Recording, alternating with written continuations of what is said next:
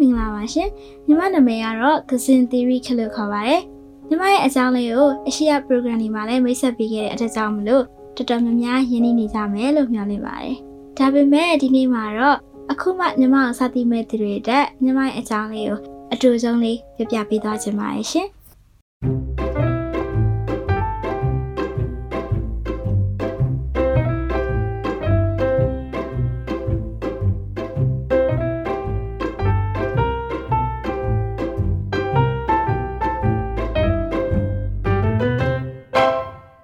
ကကိုင်ငါမတန်ဆွမ်းသူမိချက်အသုံးပြုသူတစ်ယောက်ဖြစ်ပါတယ်။ Osteogenesis imperfecta လို့ခေါ်တဲ့အယိုးကျွယောဂါကိုခံစားခဲ့ရတဲ့သူတစ်ဦးပါ။ညီမကငငယ်လေးကလေးလသမီးအရွယ်ကလေးကလက်မောင်းယူဘယ်ဘက်လက်မောင်းယူစာကျူခဲ့တယ်။နောက်ပိုင်းတစ်ဖြည်းဖြည်းညက်ယူလက်ဖြံယူညက်ယူအစာညီမကျူရဲပေါ့နော်။နောက်ပိုင်းခြေသလုံးယူစာကျူတော့ညီမလမ်းသိမ့်မရှောင်နိုင်တော့ပဲနဲ့ဒါပေမဲ့ဟိုဂျိုင်းနောက်နဲ့ညီမဆန်းလျှောက်ခဲ့ရပေါ့နော်။အဲဒါပေမဲ့လည်းညီမရဲ့အယိုးတွေကကျွတ်လွယ်တဲ့အတွက်ကြောင့်မလို့ အာကျိုးပြီးလည်းထက်ကျိုးရဲပေါ့နော်။အဲ့တော့နောက်ပိုင်းတစ်ဖြည်းဖြည်းနဲ့ကျွန်တော်ဘယ်ရောညာရောပေါင်ယူနှစ်ချောင်းလုံးဆက်ပြီးတော့ကျိုးသွားတဲ့နောက်မှာတော့ညီမလက်မချနိုင်တော့ဘဲနဲ့ဝိချက်သုံးယူခဲ့ရတာဖြစ်ပါတယ်ရှင်ညီမအခုချိန်ဒီအယိုးတွေဆက်ကျိုးနေတုံးလားဆိုရင်အခုချိန်မှာတော့ညီမရဲ့အယိုးတွေကလုံးဝလုံးဝမကျိုးတော့ပါဘူးဘာဖြစ်လို့လဲဆိုတော့ညီမက2009နောက်ပိုင်းမှာညီမစတိလာခဲ့ရပါတော့2009အရှိပိုင်းအစောပိုင်းတော့ကတော့ညီမကအချိုတွေပဲအရန်စားအမေပြောတယ်ဘာမှကျိုးလို့မရဘူးပေါ့နော်အချိုကအချိုပဲအဲ့လိုမျိုးဖြစ်ခဲ့တယ် နောက်ပြီးတော့အဲ2009နောက်ပိုင်းမှာမှညီမအချင်းတွေဆက်တွေစားလာနိုင်တယ်အဲကနေစပြီးတော့ညီမရဲ့အယူတွေတဖြည်းဖြည်းတက်มาလာတယ်လို့ထင်တယ်အဲ့တော့ညီမလုံးဝအယူမကျိုးတော့ဘူးပေါ့နော်အဲဘာဖြစ်လို့အဲ့လိုပြောရလဲဆိုတော့ညီမအခက်မသိတာနဲ့အယူကျိုးလေရအရင်တော့ကအဲ့လိုခိုက်မိလိုက်တာပဲဖြစ်ဖြစ်ဒီလိုနိုင်နိုင်နေရပဲဖြစ်အဲ့လိုပြုတ်ကြပြုတ်ကြမိရပဲဖြစ်ဖြစ်ညီမငယ်ကခြီလိုက်ရင်ပဲဖြစ်ဖြစ်ပေါ့နော်ညီမအယူကကျွတ်တော့အခက်မသိအမြင်ကျိုးလေပေါ့နော်ဒါပေမဲ့အဲ့ဒီနောက်ပိုင်းမှာတော့အချင်းဆက်တွေစားလာနိုင်တဲ့နောက်ပိုင်းမှာတော့ ညီမအယူရလုံးဝမကျိုးတော့ဘူးအဲ့လိုအမြင်ပေါ်ကပြုတ်ကြပြုတ်ကြဘယ်ရပဲပြုတ်ကြပြုတ်ကြပေါ့နော်အဲ့လိုဖြစ်ဖြစ်ညီမအယုံရလုံးဝမကြိုးတော့ဘဲနဲ့အကျော်ညက်တာတို့အကျော်တင်တာတို့အဲ့ဒါတော့မရှိတော့ဘူးနော်အကျော်ညက်တာအကျော်တင်တာလည်းမရှိတော့ဘဲနဲ့အခုဆိုရင်အဲ့လိုစောင်းရသည်ရနည်းနည်းကြိုက်တာပေါ့နော်အဲအဲ့လိုမျိုးလေးပဲရှိရောရပေါ့နော်လုံးဝညီမမှာကြောယူရဲ့ညာဘက်ပေါ့နော်ညာဘက်လက်မောင်ယူရဲ့ညီမလုံးဝမကြိုးဘူးပေါ့နော်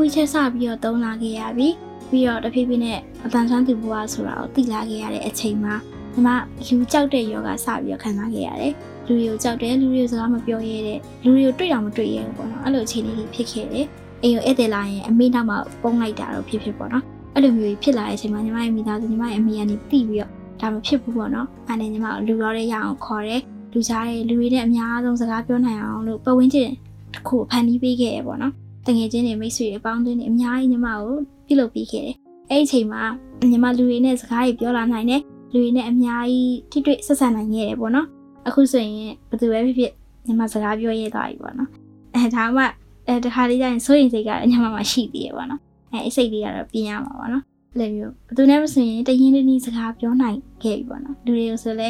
ညလုံးချင်းစုံနိုင်ခဲ့ထီပေါ့နော်။အဲ့ထီကိုညီမရနိုင်ခဲ့ပြီလို့ထင်ပါတယ်။ညီမက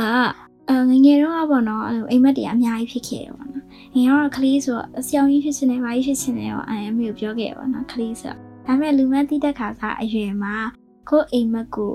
ဟိုရေးချင်နိုင်ခဲ့တဲ့အရွယ်မှာတော့ညီမကအဲ့တော့ဖြစ်ချင်တာကကြတော့မောလီဝတခံမှန်းတဲ့သူမောလီဝတပညာရှင်တရားဖြစ်ချင်တာဘာဖြစ်လဲဆိုတော့ညီမအမေကညီမငငယ်တော့ကဒီလိုညီမအယူချယောဂခံစားရတော့ကြောက်လို့ပြောင်း냐ပေါ့နော်အဲ့လိုနေအလှည့်ပြီးတော့ညီမဈေးကူပြေးရပေါ့နော် အဲ့လိုဆေးခုပြီးတော့ညီမကားပေါ်မှာပဲအဲ့လိုမိုးလေဝသတွေမျိုးမျိုးပြောင်းလဲတာတွေတွေ့တော့ညီမမိုးလေဝသခံမှန်းတဲ့သူကြီးအရင်ဖြစ်ချင်တယ်ဒီလိုဟိုတဘာဝကိုညနိုးသွားတယ်လို့ပြောရမှာပေါ့နော်တဘာဝကိုချစ်သွားတယ်လို့ပြောရမှာအဲ့လိုမျိုးမိုးလေဝသနဲ့ပတ်သက်တာကြီးညီမလုပ်ချင်တာရပေါ့နော်အဲ့ချိန်မှာအဲအဲ့အဲ့တော့ညီမကြီးတာရင်မိုးလေဝသပညာရှင်တယောက်ဖြစ်အောင်လုပ်မယ်ဆိုရင်အမေကိုပြောတာ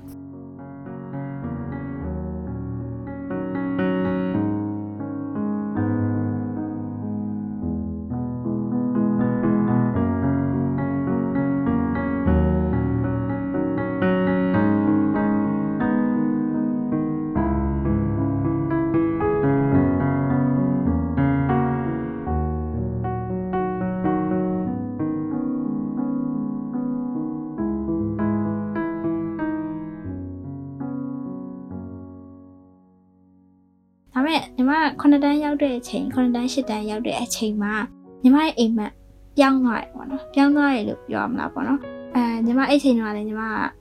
music ကိုစလုပ်နေတဲ့အချိန်စလုပ်နေတော့ဆိုတော့အဲ့ချိန်မှာညီမပြောင်းသွားတယ်ဒီဂီတဆိုတာဘာလဲဆိုတာထဲထဲဝင်ညီမသိချင်လာတယ်ဂီတနဲ့ပတ်သက်တာကိုသချင်းဆိုတာတီးတာပဲမဟုတ်ဘဲနဲ့တခြားနေပေအိမ်မှာလည်းညီမသိကျွမ်းကျင်လာတယ်ပေါ့နော်လှုပ်ချင်လာတယ်အဲ့ချိန်မှာညီမတက္ကသိုလ်အဲဆယ်တန်းပြီးသွားရင်လေ ဘာတက္ကသိုလ်ရှောင်မလဲဆိုတော့ညီမအဲ့ရွယ်တွေကအဲ့အချိန်နဲ့ညီမစဉ်းစားခဲ့တယ်စဉ်းစားခဲ့တော့အဲ့အချိန်မှာအအမျိုးသားယဉ်ကျေးမှုနဲ့အနုပညာတက္ကသိုလ်ဆိုတဲ့ဒီတက္ကသိုလ်တွေ့ခဲ့ရပေါ့နော်တွေ့ခဲ့တဲ့အချိန်မှာညီမဟုတ်ပြီအဲ့တက္ကသိုလ်မှာဂီတမီဂျာလေးရှိတယ်အဲ့မီဂျာပဲအဲ့ဂီတမီဂျာကိုပဲညီမသွားမယ်အဲ့တက္ကသိုလ်ပဲတခုတည်းညီမဆယ်တန်းပြီးတော့လည်းအဲ့တက္ကသိုလ်တစ်ခုတည်းပဲရှောက်ခဲ့တယ်အဲ့တော့တက္ကသိုလ်တစ်ခုတည်းရှောက်ခဲ့တော့အဲဝင်ခွင့်ရင်လည်းသွားဖြေတော့လေအဲတတိုက်ဆန်အဲ့ဝင်ခွင့်သွားဖြေရနေညီမရဲ့မွေးနေပေါ့နော်ညီမမွေးနေမှာဝင်ခွင့်သွားဖြေရတာလူတွေ အဲလူတွေသွားဖြေအဲ့တော့လူတွေအများကြီးပဲပေါ့နော်အဲ့ညာပြီးတော့ညအဲအိမ်ပြန်ရရင်မွေးနေ့ပါတီကျင်းပပြီးတော့ညီမတငယ်ချင်းတွေကအိမ်မှာပြင်နေကြတယ်အဲ့မှာလူတွေကလည်းမထင်ထားဘူးနော်ဝင်ဝင်လာဖြေရလူတွေကလည်းအများကြီးပဲဆိုတော့ချိန်နေတော့ကြာခဲ့ပါတော့အဲ့တော့အမေကိုပြန်လာတော့မေးရအမေသမီးဝင်ခွင့်ပါပါမလားလူတွေကလည်းအများကြီးပဲအဲတခြား barriers တွေကလည်းကိုမမြင်နိုင်ဘူးလေအဲ့တော့အမေဖြစ်ပါမလားဆိုညီမပိုင်မသူပါမှာလဲပေါ့အမေကပြောရပေါ့နော်အဲ့ဒီမှာဝင်ခွင့်အဲ့လို result မထွက်ခင်ဒီညီမအိတ်မပြောနိုင်အဲ့ချိန်မှာနောက်ဆုံး result ထွက်မဲ့မနေ့ရောက်တော့အဲညီမကိုအဲ့အဲ့ကြောင့်မှတက်နေညီမရဲ့အတိအကိုကပေါ့နော်ညီမဖုန်းနဲ့ဆက်ပြီးတော့ဟာညီမချောချောလို့ခေါ်တော့ချောချောပါတဲ့အဲခုံယူပါတယ်ပေါ့အဲလှမ်းပြောအရန်ပြောသွားအဲ့ရတဲ့အနေတိုင်းထွက်ပြီးအမေသမီးဝင်ခွင့်ပါတယ်အေးငါပြောသားပဲနေရစိတ်ပူနေရဆိုရင်အဲ့ဒါနဲ့ညီမဝင်ခွင့်အောင်ပြီးတော့တက္ကသိုလ်မှာစတက်တယ်ပေါ့နော်တက္ကသိုလ်စတက်ပြီးတော့ပထမနှစ် တက်တယ်ပထမနှစ်တက်ပြီးတော့ဆောင်းရဲနောက်ဆုံး semester နောက်ဆုံး semester ဖြေတော့ပထမနှစ်တက်ပြီးတော့ပထမနှစ်ကိုခုံနံပါတ်1နဲ့ပေါ့နော်အေးခုံနံပါတ်1နဲ့ညီမအောင်ရင်ခဲ့တယ်ညီမအဲ့မှာလဲညီမစားစင်နည်းနည်းစားကိုလုတ်တယ်ပေါ့နော်ပြောရမို့စားစားဝဲဝဲမှာလို့ထိုင်နေရမှာသိပြီးအဆင်မပြေတော့စားလုတ်တယ်အဲ့တော့ညီမခုံနံပါတ်1နဲ့အောင်ရင်ခဲ့ရပေါ့နော်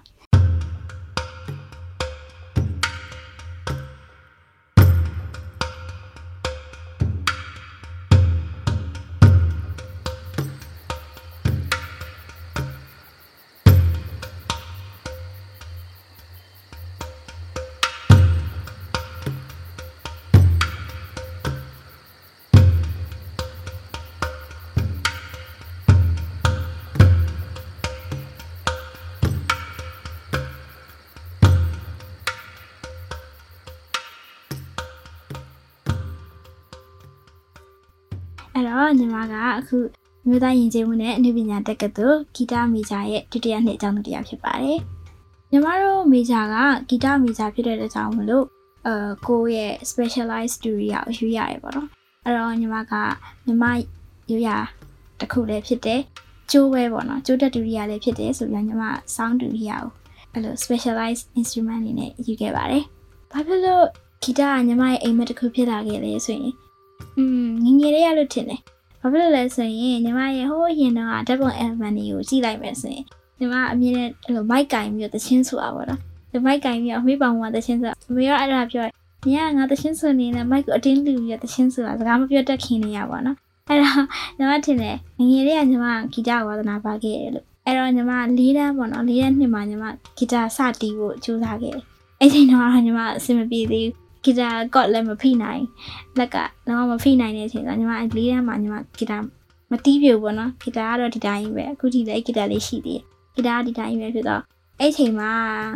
ငါနဲ့နေရာတီလောက်ပေါ့နော်6တန်းလောက်မှာအဲ့ချိန်မှာညီမရဲ့အကိုနဲ့ကိုတငယ်ချင်းပေါ့နော်ဆရာဆိုင်လုံးထော့အဲ့အဲ့အကိုတို့အဲ့အကိုနဲ့ဆရာနဲ့ကနေပြီးတော့ဂီတသင်တန်းကြောင်းလေးဖွင့်တာပေါ့နော်ဖွင့်တဲ့အချိန်မှာညီမလေးတက်လိုက်တာပေါ့တက်လိုက်တော့အဲ့ချိန်မှာညီမက ဟို acoustic guitar ကိုစတီးရမဟုတ်ဘူး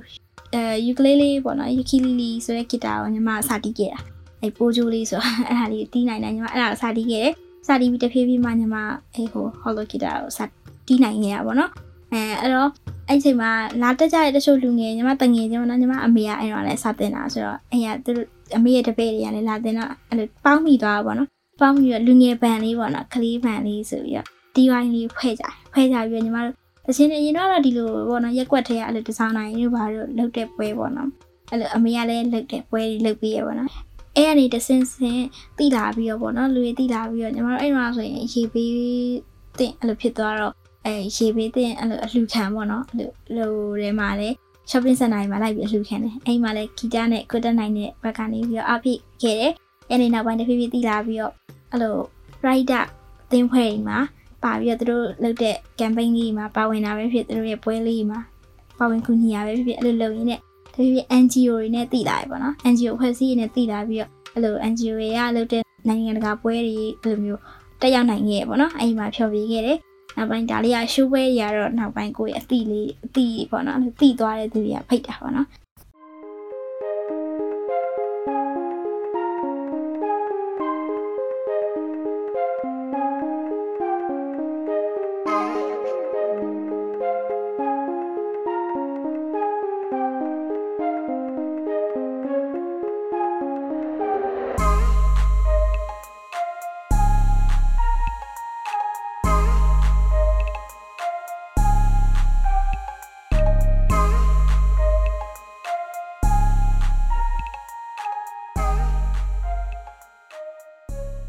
အာအားလုံးလည်းသိကြတဲ့အတိုင်းပဲပေါ့နော်ကိုဗစ်ဖြစ်ပြီးတော့2020နောက်ပိုင်းမှာအပြင်မှာပွဲတွေလုပ်လို့မရတော့ဘူးအဲ့တော့ online ကနေပဲ online virtual concert လေးလုပ်လာကြရပေါ့နော်အဲအဲ့တော့အခု online event လေးမှာပါဝင်ပြီးတော့ဖြောဖြေအားဖြည့်နေပါတယ်ရှင်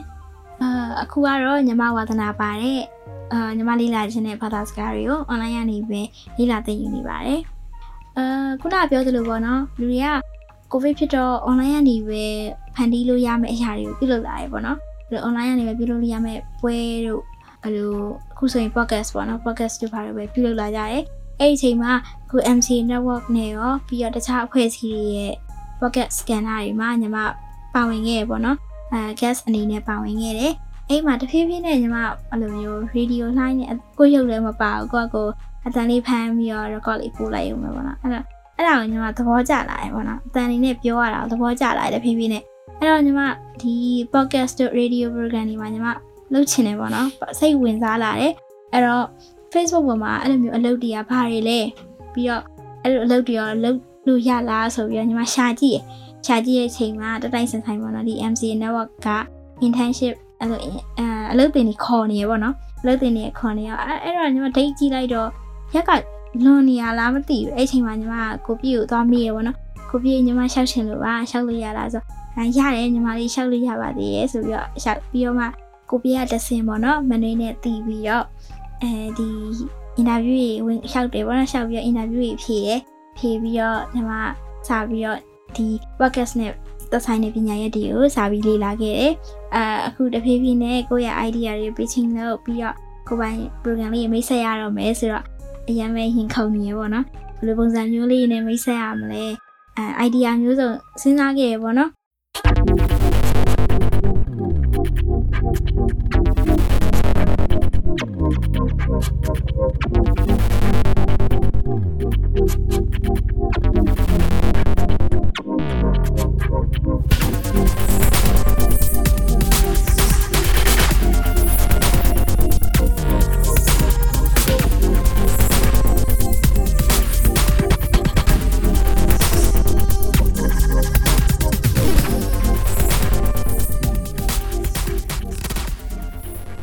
အဲစဉ်းစားခဲ့တော့ညီမကအာရခဲ့တဲ့ idea လေးကညီမကအနုပညာနယ်ပယ်ဂီတနယ်ပယ်ကနေလာခဲ့တဲ့မတန်ဆန်းသူတစ်ယောက်ဖြစ်တယ်။အဲ့တော့ညီမကစဉ်းစားမိတာကမတန်ဆန်းသူအနုပညာရှင်ညီမလိုပဲမတန်ဆန်းသူအနုပညာရှင်နေရှိအောင်ပဲအဲဒါကမီဒီယာနဲ့ထိတွေ့ခွင့်ရတာဆိုရှယ်မီဒီယာနဲ့ထိတွေ့ခွင့်ရတာမရတာပဲဆိုင်မယ်လို့ညီမထင်တယ်။အဲညီမဆိုရင်ဆိုရှယ်မီဒီယာနဲ့များများထိတွေ့လာနိုင်တော့ညီမကိုနည်းနည်းလူသိနည်းနည်းရှိလာတယ်ပေါ့နော်။အဲ့တော့အဲ့လိုပဲညီမနဲ့ တူတူမတန်ဆန်းသူတခြားနည်းပညာရှင်မောင်နှမတွေကိုလည်းညီမကဒီ social media ပေါ်ရောက်စေချင်တယ်ပေါ့နော်အဲ့ဒီရွယ်ချက်နဲ့အဲ့လိုမတန်ဆန်းနည်းပညာရှင်တွေကိုရှာမယ်ရှာပြီးရင်မိတ်ဆက်ပေးမယ်အဲ့လိုမျိုးတစ်ဖြည်းဖြည်းနဲ့မတန်ဆန်းနည်းပညာရှင်တွေကိုလူသိများလာပြီးတော့အဲအနည်းပညာအတိုင်းဝိုင်းမှာပေါ့နော်မတန်ဆန်းသူတွေလည်းရောင်းတနေရာနေပါဝင်နိုင်အောင်လို့ညီမကလည်းကူညီခြင်းနဲ့ပေါ့နော်ညီမကလည်းအဲ့လိုမျိုးဖြစ်စေခြင်းနဲ့ဆန္ဒလေးရှိရတဲ့ကြောင့်မလို့ဒီအစီအစဉ်လေးကိုညီမ ဖန်တီးပြခဲ့ရပေါ့နော်